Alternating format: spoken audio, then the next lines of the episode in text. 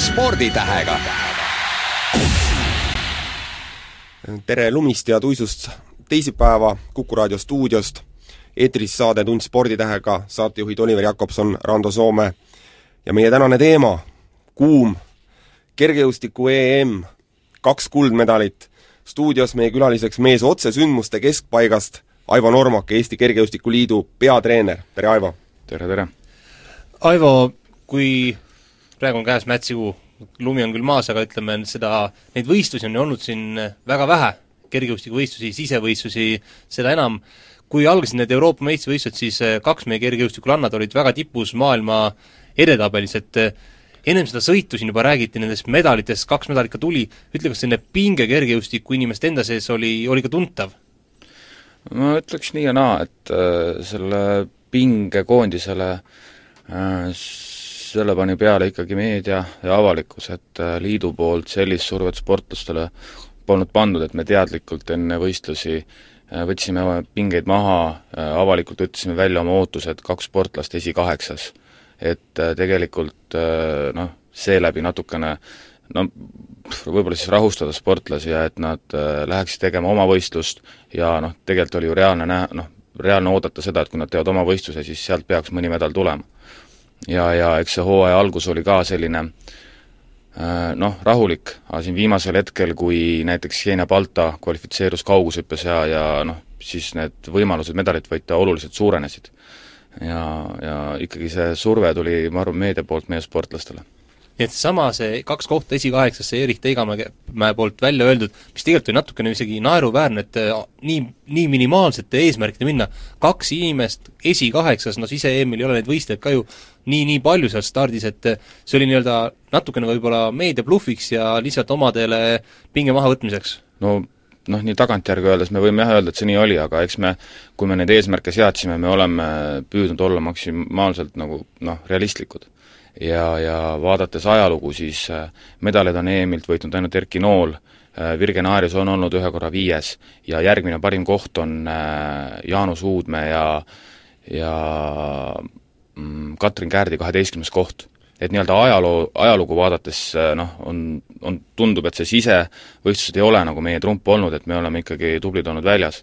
ja nii-öelda hooaja kujunedes me siiski ka korrigeerisime, et, et et kaks sportlast esikaheksas, kuid need võimalused nii-öelda tõusta poodiumile, et, et need on olemas ja me ikkagi noh, me ei pannud mitte kellelegi seda kohustust võita medal.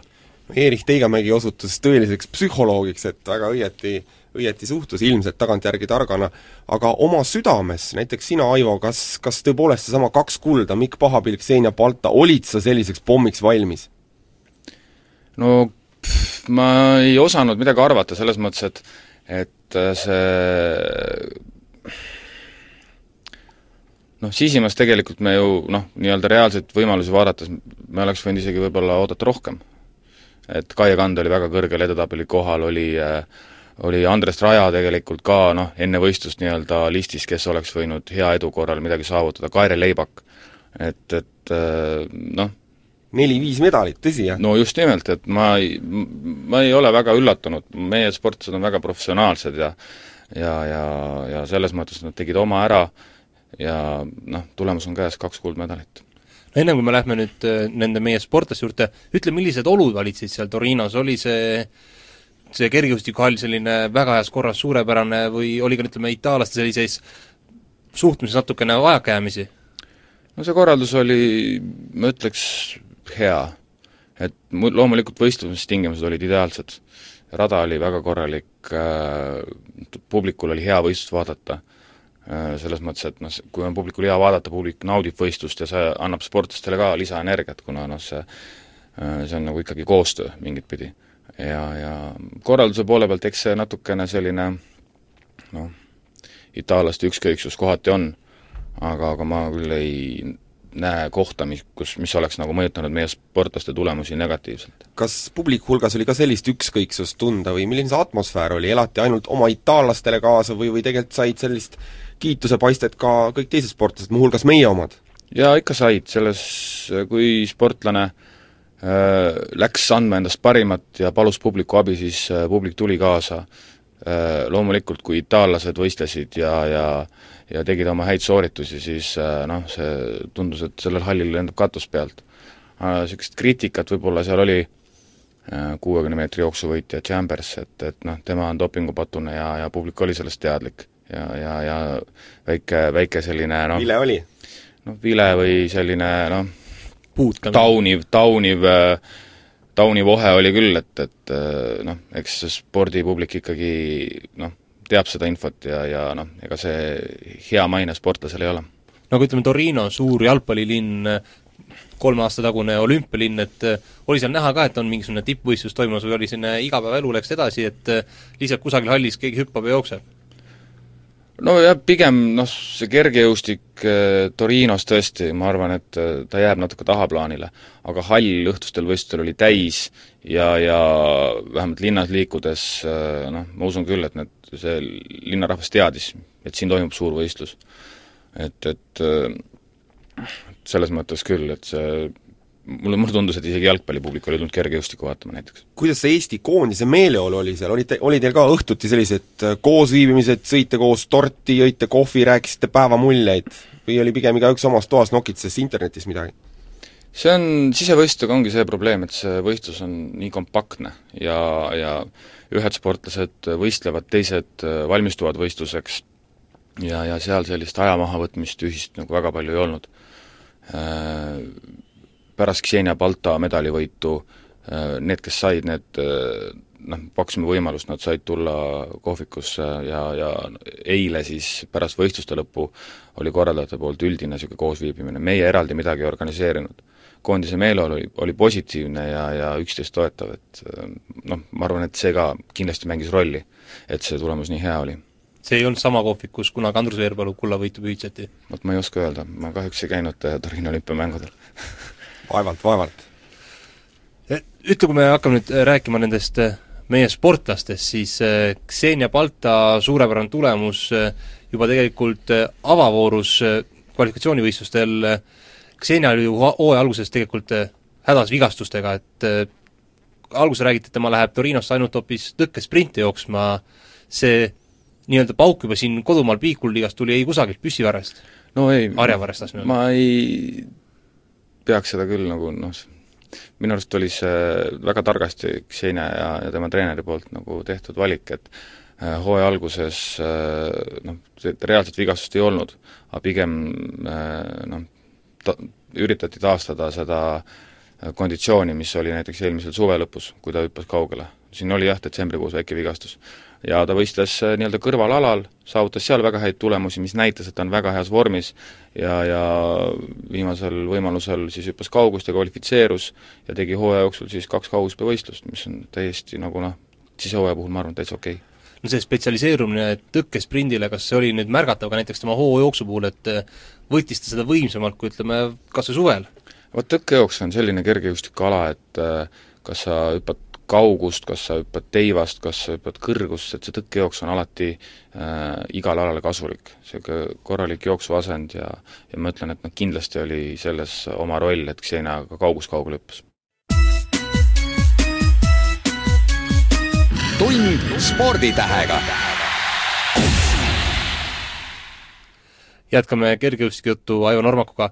Aivo, kui me siin Xenia juurde jäime, siis äh, ütle, kas teil näiteks Andrei Nazaroviga oli ka ütleme, juttu sellest, et et võib-olla tõesti Xenia suudab selle kaugushüppes selle kvalifikatsiooninormi või ütleme, selle kümne parema sekka ennast hüpata ja ma mõtlen siin nende seas, kes Eestist lähevad Torinosse ja ja minna, ütleme, oma õigel alal siis võistlema? Äh, meil oli küll eelnevat juttu, et äh, kui Xenia oli kvalifitseerunud võistlusele tõkkejooksus ja ta polnud kaugust hüpanud, äh, siis äh, oli, oli teemaks, et talle pakkuda võimalust nii-öelda kõrvalalal võistelda, siis antud juhul oleks olnud kõrvalala kaugushüpe. näiteks Jaanus Uudmäe kvalifitseerus äh, kolmikhüppes, aga võistis ka kaugushüppes. et, et et see võimalus oli, aga, aga noh, Andrei sõnum oli see, et noh, nii suurele tiitlivõistlusele ei saa minna ilma eelnevalt nii-öelda võistlemata sellel alal ja, ja noh, mis on väga loogiline ja nad võistlesid ja nad kvalifitseerusid siis ikkagi oma põhialal. tundub, et meie treenerid tegid äh, sellel EM-il väga õigeid valikuid, kõigest hoolimata seesama Xenia kõrvalala kaugushüpe tegelikult oli ju noh, ma ei tea, oli see lähedal või mitte, sina olid seal, seal seda vaatamas, ta poleks võib-olla isegi finaali saanud, kolmas katse otsustas, oli ka sellist tunnet, et noh, pagan, äkki läheb nagu ta läheb ja finaali uks jääb kinni? no loomulikult oli, et eks see sport ongi selline noh, väga raske ennustada seda tulemust. ja, ja on ka selge see, et nii-öelda poole jõuga seda ennast finaali ei hüppa ja igal, igal katsel pidi Xenia maksimaalselt pingutama. ja kui maksimaalselt pingutad, siis ja võtad maksimaalse riski, siis see üleastumine sentimeeter või pool sentimeetrit, noh, see on tu-, noh, väga lihtne tulema ja, ja eks seal noh, see mäng käibki riskipiiril, kui me vaatame, seal oli päris palju nii-öelda reaalseid medalikandidaate, kes kõrbesid eelvõistlusel, ka nemad peavad riske võtma, et see on sport. No ega siin riskimäng oli ka ju finaal, et äh, suurepärane tulemus, kuus kaheksakümmend seitse, ometi esikohta, teist kohta jäid lahutamisel ainult loetud sentimeetrid, kaks või kolm sentimeetrit oli siis kuus kaheksakümmend neli oli see teise koha tulemus, et seda pinget oli siis ka finaali ajal üsna-üsna palju? jaa, kindlasti, selles mõttes, et see finaal kujunes äh, noh, Äh, sama pingeliseks, nagu me ennustasime. et need, see naiste kaugushüppe tase võib-olla ei ole täna nii, nii väga kõrge, aga, aga ta oli ikkagi väga tugev ja väga ühtlane. Et, et selle Xenia tulemusega näiteks Pekingis oleks saanud neljanda koha. no võistlustules oli ka Sirka-Liisa Kivine äh, samamoodi, et ütleme, kui palju nad teineteist, ma ei tea, võistluse all ma ei tea, tegid nad koostööd, kas näiteks selline asi, asi toimib või olid ikka igaüks seal nii-öelda oma asja eest väljas? Äh, üksikkaladel tavaliselt seda koostööd noh, väga palju ei ole et noh, võib-olla seal paar sõna vahetatakse, aga ikkagi sportlane on keskendunud maksimaalselt äh, oma sooritusele ja abiks on treenerid tribüünil. Ja, ja noh, see on täiesti arusaadav, mitmevõistlus on teine, kus on kaks pikka päeva, kus äh, selline üksteise toetamine ja no kas, kas või lihtsalt see, et oma emakeeles rääkimine, see nagu on abiks ja, ja maandab pingeid mingil määral. Vajadusel ma arvan, et nad nagu tundsid tuge, et, et et kaasmaalane on ka kõrval ja, ja noh, et see in-, innustab, et kui ka-, see Sirkelis hüppas hästi, siis ma usun, et see andis ka Xeniale nagu indu juurde, et on võimalik kaugele hüpata. Siin tänase Õhtulehes oli suur pealkiri Xenia Balta, mitu palet, räägitakse temast kui lihtsalt ilusast naisest, kui sellisest metsikust kiskjast seal kaugushüppekastis, ütle, milline on sinu jaoks Xenia Balta selline tõeline palet, milline sportlane ta on? oli sul näiteks selline tunne, et äkki veavad närvid teda selles väga pingelises finaalis alt, et ta on ikkagi ju noor sportlane veel? Äh, jah, ta on võib-olla nii-öelda oma nii-öelda tippsportlase karjääri alguses. Et äh, noh, peame seda alguseks seda, et nüüd esimene tiitlivõistluste medal on nagu käes. aga Xenia on väga professionaalne ja, ja minu jaoks on ta noh, selline võib-olla noh, äh, tippsportlase etalon mingit pidi. ta on väga keskendunud ja väga pühendunud ja minu noh, täpselt selline, nagu tippsportlane peab olema. No pjedestaalil me nägime Xenia pisaraid, kas, kas oli ka sinu jaoks mingeid tõepoolest uusi pooli Xenias või noh, ilmselt võidurõõmu, sellist võidurõõmu nautimas sa pole teda varem näinud, üllatas sind midagi? ei üllatanud, selles mõttes, et, et noh, eks see tunne Xenial äh, seal poodiumil oli sama, mis, mis meil seal tribüünil seistes, et, et et on äh, noh, meil natuke teine, et meie, meie äh, meie jaoks oli püha see, et Eesti lipp tõusis kõige kõrgemasse lipuvardasse, aga Xenia ilmselt eh, noh, oli seda päeva oodanud, et, et võita midagi suurt. hümni sõnad on tal selged või ei ole, tead sa? ma arvan, et tal on selged, kuna üks konkureeriv raadiojaam eh, sedasama, eh, sama, sama nagu infot kontrollis eelmisel aastal enne olümpiamänge ja minu teada Xenia teab Eesti hümni. no tegelikult ju finaalis hüppas ka Sirka-Liisa Kivine Xenia saab muidugi praegu meedia poolt eh, kiidusõnu, kas nüüd sinu roll on eh, Sirka-Liisat rohkem eh, utsitada ja kiita, sest ta tegi ka ju tegelikult väga hea tulemuse ja väga hea võistluse? Ma arvan, et need sportlased saavad seda tähelepanu piisavalt, noh kõik, kes, kes nagu finaal, finaalis võistlesid ja Sirka-Liisa jaoks oli see esimene tiitlivõistlus. Ta ei ole kõige noorem sportlane enam ja, ja noh, ma arvan küll, ma väga loodan, et see on, andis Sirka-Liisale indu ja, ja tema selline võib-olla kõige kõige suurem tähetund võib-olla ootab ees näiteks kaks tuhat kümme aastal Barcelona Euroopa meistrivõistlustel, mis toimuvad noh, välistingimustes. ja, ja ma usun küll, et Circa-Liisa ei ole veel oma potentsiaali realiseerinud ka. missugused need Circa-Liisa emotsioonid olid, noh sina nägid jällegi neid kõike lähedalt, et, et noh, kuues koht, kuus viiskümmend üks, kõik tipp-topp, kuidas, kuidas säras nagu päike? jah, kindlasti ja, ja eks see noh, natukene eks tal jäi kripeldama see, et ta finaalvõistlusel hüppas vähem, kui hüppas kvalifikatsioonis. ja, ja noh, jälle täiesti tavaline sportlase käitumine, tahetakse maksimaalselt. ja, ja aga ta oli siiski väga rahul selles, et, et see eesmärk pääseda finaali täitus ja, ja kuues koht on sellises tihedas konkurentsis väga hea koht. kergejõustikuliidus oled jõudnud läbi käia juba täna hommikul, ei jõudnud? ei jõudnud kahjuks. lilli täis, ilmselt sinna ei pääse sisse. ei tahtsin küsida, kas Anu Kaljurand oli nagu õnnelik, et Xenia Balta tema pikka-pikka aega kestnud rekordit lõpuks üle hüppas? Äh, Ma ei oska öelda, Anu Küljurand on olümpiakomitees. noh, aga põhimõtteliselt on ju suhteliselt sarnane. jah, ma, ma arvan, et, et see noh, rekordite ülevõtmine, see on võib-olla isegi iga sportlane, kes on kunagi rekordi hüpanud, ta ootab, et see üle hüpatakse. nagu Oliver mainis, tegelikult seesama oli sek-, see oli sentimeetrite mäng, see medalite vahetus, kuidas need venelannad reageerisid, no pagan, neilt ju rööviti, ma ei tea, kaksikvõit nüüd vähemalt no ei röövitud, ma arvan, et Xenia on ennast ka eelmisel hooajal juba väga hea hüppajana näidanud, et Stuttgardi IAF-i Grand Prix finaalis äh, sai ta ju teise koha, et, et äh, eks tema kui tugeva konkurendiga kõik sportlased arvestasid. no teine kuldmedal, Mikk Pahapill, sulle kui endisele mitmevõistlejale kindlasti südamelähedasem äh, alateadlikult ja kindlasti ütleme, selline hoopis rohkem pingeid pakkunud, et äh, ka meile, eestlastele, et kümnevõistlus on nii-öelda meie ala. ja ma arvan küll, et see kümnevõistlus on jätkuvalt meie ala, Äh, nüüd me saame küll öelda, et Erki Noole järel tekkinud väike tühimik on täidetud, Äh, Mikk Pahapill tegi väga suurepärase tulemuse, Eesti rekordist jäi lahutama kõigest kaksteist punkti. Ja, ja noh, mitmevõistlus on eriline, see kestab kaks päeva, seal on väga palju emotsioone, väga palju pingelisi momente, kolmandaid katseid, üleastumisi, suurepäraseid õnnestumisi, et, et äh, ma usun, et see on täpselt selline Eesti rahvale sobiv spordiala, et see kogub pingeid kahe päeva jooksul. no oled sa nagu nõus sellega, et tegelikult Mikk Pahapilli kuldmedal, et see oli selline sensatsioonipomm, et meiegi mäletame, Erki Nool, olümpiavõitja, ikka ja jälle kurtis, et no ei ole noori, no ei tule, ei tee, ja nüüd korraga tullakse, tehakse, võetakse kuldmedal, ollakse parema tulemusega kui Nool omal ajal, tuhat üheksasada üheksakümmend kuus.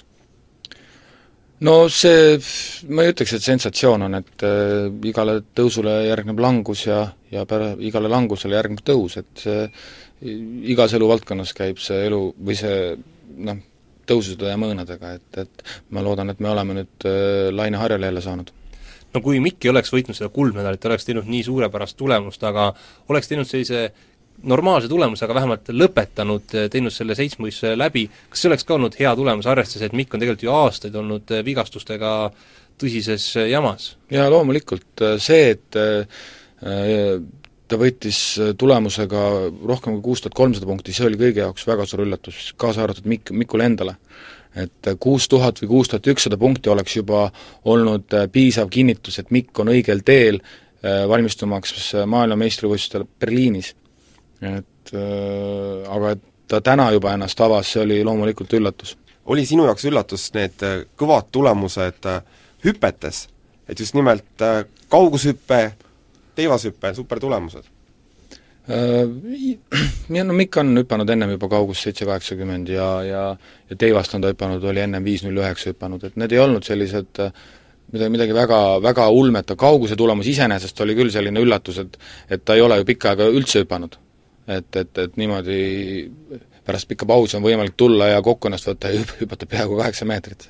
no ka oleks see kaheksa meetri piire alistatud, oleks see vist olnud veel suurem sensatsioonipomm. no ilmselt küll, jah, iga sentimeetri juures tund sporditähega. jätkame kergejõustiku juttu, eetrisaade Tund sporditähega, saatejuhid Oliver Jakobson ja Rando Soome, stuudiokülaline Aivo Normak, Kergejõustikuliidu peatreener.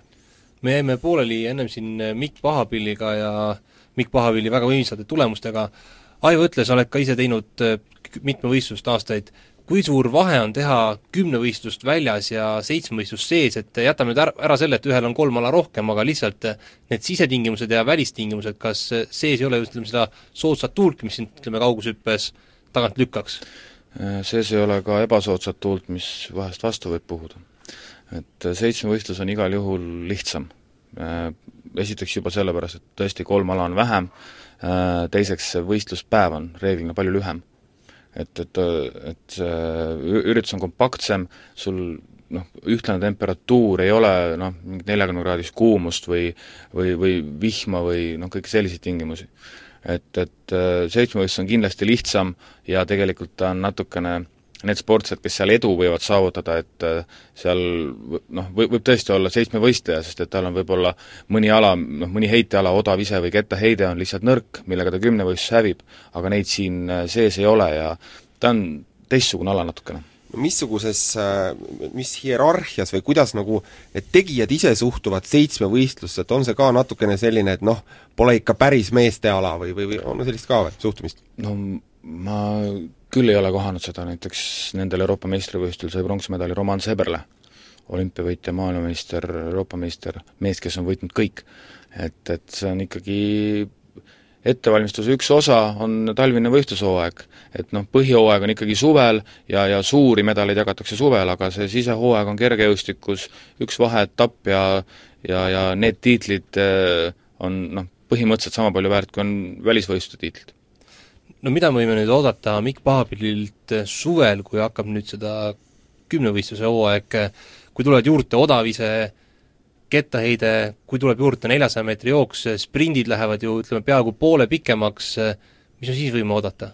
ma arvan, et me ootame parimat et, et et nende aladega, mis juurde tulevad, näiteks kettaheide, odavise, et ma usun küll, et Mikk oma nii-öelda parandab oma konkurentsivõimet veelgi Äh, nelisada meetrit on siiani olnud tal natuke nõrk ala, aga tänases äh, situatsioonis ma julgen küll väita, et äh, eeloleval hooajal Miku neljasaja meetri rekord paraneb sekund või paar.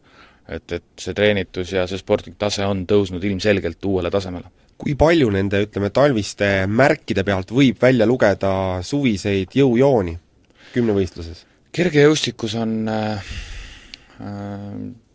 põhimõtteliselt on ikkagi, sportlased reeglina keskenduvad äh, Äh, ühele äh, vormitipule. ja, ja kahe vormitipu noh, nii-öelda väljatiimimine, see on natukene raske.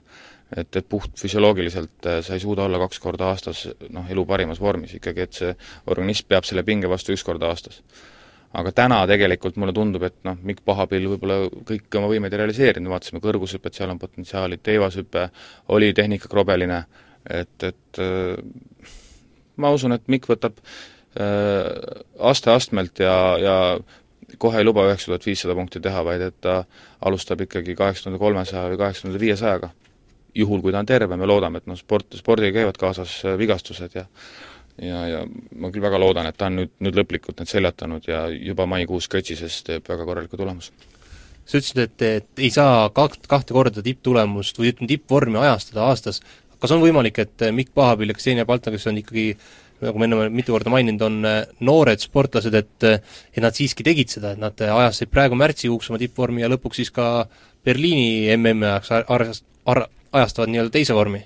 ma arvan, et ei, see on võimalik loomulikult, selles mõttes noored sportlased arenevad iga, iga kuuga neid, noh, lähevad edasi, et see pidev progress on, aga kui Roman Seeberle on tippsportlane, kelle tegelikult kehalised võimed on juba välja arendatud, et, et noh, see on nagu teine, teine situatsioon ja, ja lihtsalt äh, me võime üritada küll kaks korda aastas oma vormi ajastada, aga on noh, tehtud uuringud ja tehtud järeldusi, et, et kui teha väga suuri, suurepäraseid tulemusi talvel, siis äh, suvel on neid raske korrata. ükskõik kui vana sa oled, ükskõik kaua sul võtab taastumine aega? ma ei, noh nii täpselt seda ei oska öelda, aga aga selles mõttes, et äh, igaüks, iga sportlane sätib selle vormikõvera selliselt, et ta oleks parim äh, nii-öelda noh, hooaja tähtsündmuse ajal. mul, tundub, et see sise-Euroopa meistrivõistlused olümpia-aasta järgselt on alati selline soodne võimalus äh, tulla uutel tegijatel peale, sest et äh, mõni vana tegija on lõpetanud, mõni jätab selle olümpiajärgse hooaja natuke kergemaks, talvel ei võistle, ja, ja noh, selle peale noh, sellised noored nagu meil Mikk ja Ksenia võib-olla noh, algul arvestasid, et see, see võiks olla lihtsam võimalus medalit saada. kuigi nagu me näeme, võideti väga kõrgeklassiliste tulemustega ja väga tihedas konkurentsis, et see ei olnud nii kerge midagi kas see on ka selline hea võimalus silma paista pärast, kui Berliinis läheb kehvasti, ütled, et näed, et et jah, et tegin oma hea tulemuse juba Torinos ära, et neil on nüüd selline ette juba vabandus olemas Berliini ebaõnnestumiseks? ei ole, niisugust vabandust ei ole, et sportlane läheb ikkagi ka, ka Berliini, nad kõik lähevad, kes me, kelle me sinna lähetame, lähevad andma endast parimat ja ja, ja ma ei näe põhjust, miks, miks seal peaksime ebaõnnestuma. meil on mitu korda jutust läbi jooksnud äh, meie hea sõbra, Eesti sõbra Roman Šebrele nimi, ta jäeti kolmandaks, on sul ka nagu andmeid, mis emotsioonidega vanameister Šeberle võttis vastu selle, et kuulge, Mikk Pahapill Eestist näppas kulla? ma arvan, et Roman Šeberle võttis pronksmedali vastu suurima heameelega sellepärast et need võimalused äh, medalit võita tegelikult tekkisid tal alles teoshüppe võistluse käigus, kus ta hüppas väga suurepäraselt ja ja nii mõnigi konkurent ei hüpanud nii hästi, näiteks Rostov ja ja, ja see Seeberle situatsioon, ka meie ajakirjandusest ennem läbi käinud, et et äh, Mikk Pahapill on kergem võistelda, kuna Seeberle on halvas vormis noh, me nägime seda halba vormi kuus tuhat ükssada punkti ja natuke peale, et et tegelikult Miku, Miku, Miku tase enne seda võistlust oli kakssada punkti nõrgem, kui seepeale tänane tulemus oli. no koos Mikuga oli võistlustules ka meie Andres Raja, kes no nagu me teame, läksid ju võistlustulle Mikuga suhteliselt, ütleme nii-öelda sama, samadelt platvormidelt, võib-olla samade ootustega mm,, Andres Raja, mis, mis pead seda ebaõnnestumiseks, tema, tema esinemist? Võib nii karmilt öelda? Äh, tegelikult võib öelda, aga seal on täiesti objektiivsed põhjused. et äh, selle viimase ettevalmistuse niisuguseks suurimaks komistuskivi, komistuskiviks oli Andres Raja haigus. ja, ja siis äh, sellele järgnenud antibiootikukuur. et oli, oli näha, et igal alal on Andres mõne protsendi võrra oma nii-öelda parimast tasemest madalam. ja, ja ta lihtsalt ei suutnud äh, või organism ei suutnud äh, selleks võistluseks ära taastuda ja, ja kahjuks ta lihtsalt oligi natukene, natukene nõrgem ja, ja väsinud, et, et tippspordis ei, selliseid äh, noh, ebaõnnestumisi ei saa lubada ja, ja see on väga kahju. sa ütlesid enne, et individuaalaladel koostööd ei tehta, et pigem tehakse mitmevõistluses, kas Raja ja Pahapill tegid seda koostööd kõik aeg või, või see koostöö natuke lõpupoole noh, lagunes? Äh, ma arvan, et nad seal areenil, noh ma ise ei olnud ju areenil, ma olin tribüünil, nad üksteist äh, toetasid, vestlesid, maandusid nagu sel-, selle läbi pinged, aga eks Andrese situatsioon oli oluliselt raskem, et et tundus nii, et ta läks reaalselt Mikk Pahapilliga võistlema. ja, ja pärast nagu võistluse lõpus selgus, et Mikk, Mikk Pahapill tegi nelisada punkti tema rekordist rohkem. see on väga suur äh, vahe ja noh, see kindlasti ka noh, mõjub, mõjutab sportlast psühholoogiliselt, et mees, kellega sa lähed võistlema ja lõpuks ta noh, võidab sind peaaegu valgusaasta pikkuse vahega. no kõige suurem kriitika oli vist Andres iseendale, et me nägime tema pisaraid, mida me oleme varem ainult Andrus Ärniku puhul näinud, et mees oli vist üsna löödud ja seal õlale patsutamisest ei olnud enam mitte mingit tolku pärast. no Andres oli tulnud võistlusele väga kõrgete eesmärkidega. ja, ja pärast esimest kahte ala tegelikult oli juba näha, et noh, tunda, et ta ei ole rahul endaga ja, ja ja eks ta psühholoogiliselt natukene lagunes küll ära, et ta jäi natukene oma eelmiste alade noh, ebaõnnestumiste või noh, mitte ebaõnnestumiste, vaid vajakajäämiste juurde kinni ja ei suutnud uuele alale keskenduda, et et no seda juhtub, et, et, et sa ei täida oma eesmärke ja, ja sportlased siis tavaliselt on üsna nagu löödud. tund sporditähega kui me saadet alustasime sellega, et meil oli tegelikult suured lootused sinna Torinosse juba minnes, siis äh, üks suur lootus oli ju Kaie Kand, kes oli siin Reval Hotel Cupil teinud suurepärase, suure suurepärase tulemuse, nüüd ometi Torinos läks kõik vett vedama, kaugushüppe null rikkus ära kogu võistluse, et äh, seleta natuke seda või selgita natuke seda olukorda, et äh, miks see pakule pihta ei saadud? Tõesti, Kaie tegelikult alustas seda võistlust veel paremini, kui ta alustas äh, või noh, tegi võistlust siin Tallinnas Reval Cupil. Äh, aga eks see kaugushüpe on selline kapriisne ala ja sageli on ka sisetingimustes seda väga raske teha, sellepärast et see areen oli ehitatud äh, puidust või mingist metallist platvormile ja ta vetrub. ja hoojooksu rütm muutub oluliselt. ja, ja see muudab selle soorituse tegemise raskeks, et sa liigutad oma sammumärki, aga tegelikult see noh, iga jooksu on erinev ja, ja on noh, väga raske mõnikord kohaneda sellega. et, et äh, ja eks seal on muid, muidki tegureid, et kaks ala oli nii hästi õnnestunud ja noh, Kaie tundis võimalust või, võistelda väga kõrge koha eest.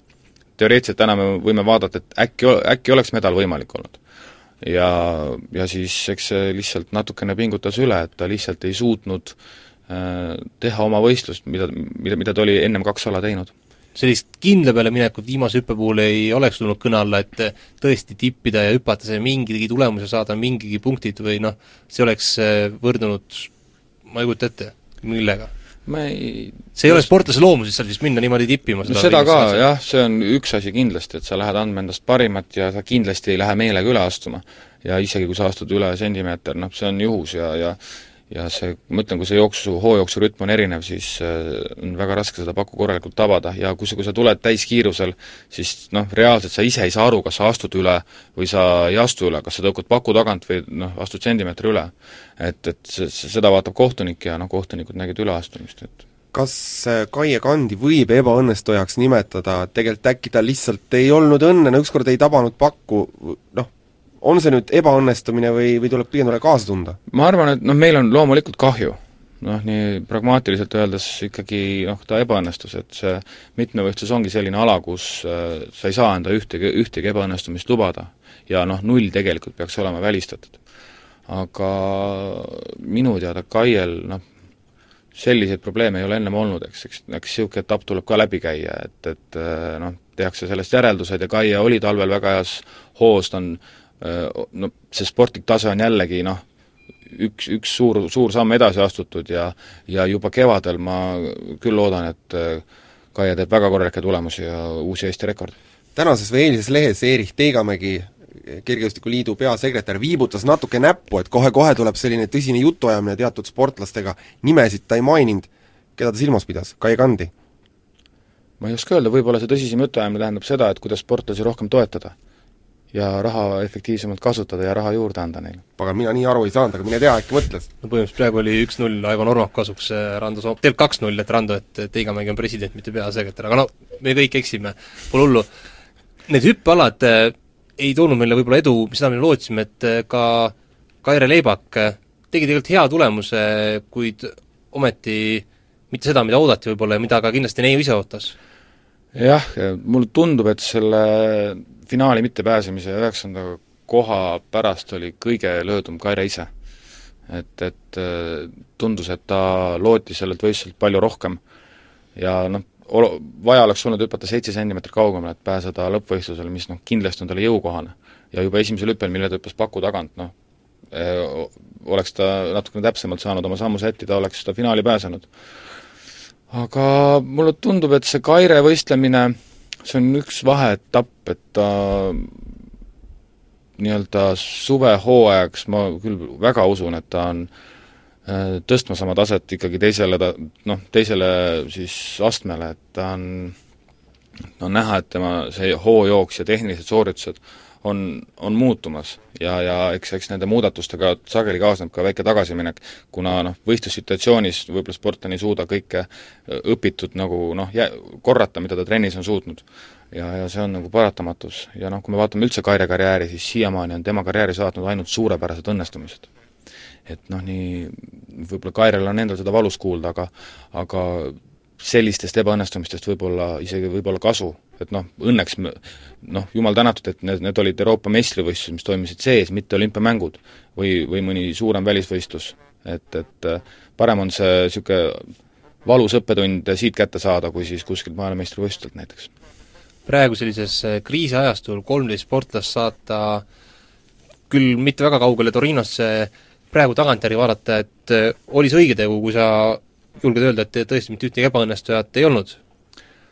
Uh, kindlasti oli õige tegu, et see on selline võistlus, kus uh, on sportlastel võimalik saada uh, maksimaalne kogemus ja, ja mida siis noh, järgmistel võistlustel, sellest on kasu. ja ma üldse olen märganud, et et kui, kui mitte kuskilt mujalt häid uudiseid ei tule, majandusest, poliitikast, siis sportlased sellel ajal nagu täidavad selle tühimiku ja toovad häid uudiseid, Andrus Veerpalu MM-i kuld, nüüd kergejõustiklased, et kuidagi need asjad niimoodi käivad, et, et, et kui läheb mujal halvasti, siis spordis läheb hästi. et see, et kui alguses me rääkisime sellest, et Kergejõustikliit oli ju teinud normatiivi, et saadetakse Torinosse kümme sportlast, hiljem saadeti kolmteist, eh, lisati need kutsega mitmevõistlejad eh, nii-öelda noh, lihtsalt eh, kõrvalt, siis see oli täiesti õige, õige samm, õige valik no igal juhul, et ma täna küll ei näe, et koondis oleks olnud mõni sportlane, kes, kes võib-olla ei väärinud oma kohta. Aivo, kui me räägime nendest teistest sportlastest, keda me võib-olla täna veel nimepidi pole, pole puudutanud, kes sulle jäänud, jäid nagu meelde selliste võib-olla väikeste selliste õnnestujatena? no Jaanus Uudmäe kindlasti väga võimsa kvalifikatsiooni tulemusega. Jah, Jaanus Uudmäe ma arvan küll, et võib endale vastu rinda taguda ja öelda, et noh, ma ütlesin, et näete, ma ütlesin teile, et mind on vaja kaasa võtta, et ma hüppan hästi. sest et teadupärast päris äh, viimasel hetkel tema koondisse arvati. aga mulle isiklikult jättis väga sümpaatse äh, mulje ka Liana Pintsar näiteks, kes on nooruke kolmikhüppaja ja hüppas niisuguse oma hooaja keskmise või natukene parema tulemuse ja nii-öelda ees ootavat suvehooaega vaadates, kus temal on juunioride Euroopa meistrivõistlused, ma usun küll, et äh, see on noor tüdruk, kes võib juba varsti päris tihedalt Kaarel Leibekuga võistlema hakata. no et Eesti kergejõustikus on puhumas nii-öelda siis uued tuuled ja sellised väga soodsad tuuled, et iga aasta, kui on see Eesti sportlaste autasustamine Estonia kontserdimajas, siis alati, kui läheb Eerik Teigamägi võtma vastu seda ühte kujukest, mis on siis nii-öelda kolme parima alaliidu auhind, siis ma alati mõtlen, et Eerik, et kas sa, kas sa viid selle nüüd Gerd Kanterile paitata, vead, et Gerd on jälle selle kujukese sulle nii-öelda koju toimetanud, siis nüüd on neid inimesi, kes, kelle, kelle pead tuleb paitada hoopis rohkem?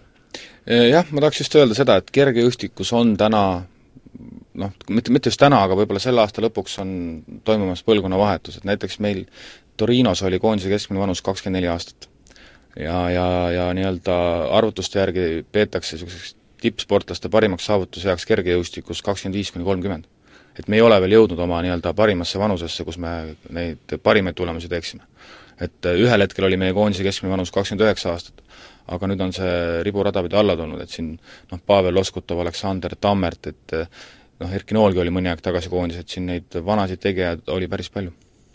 nii et äh, Berliini maailmameistrivõistlustelt äh, ei pea me ainult hoidma pöialt Gerd Kanterile ja vaatama ainult kettaheidet, vaid äh, neid alasid, mida, millele tähelepanu pöörata, on väga-väga palju.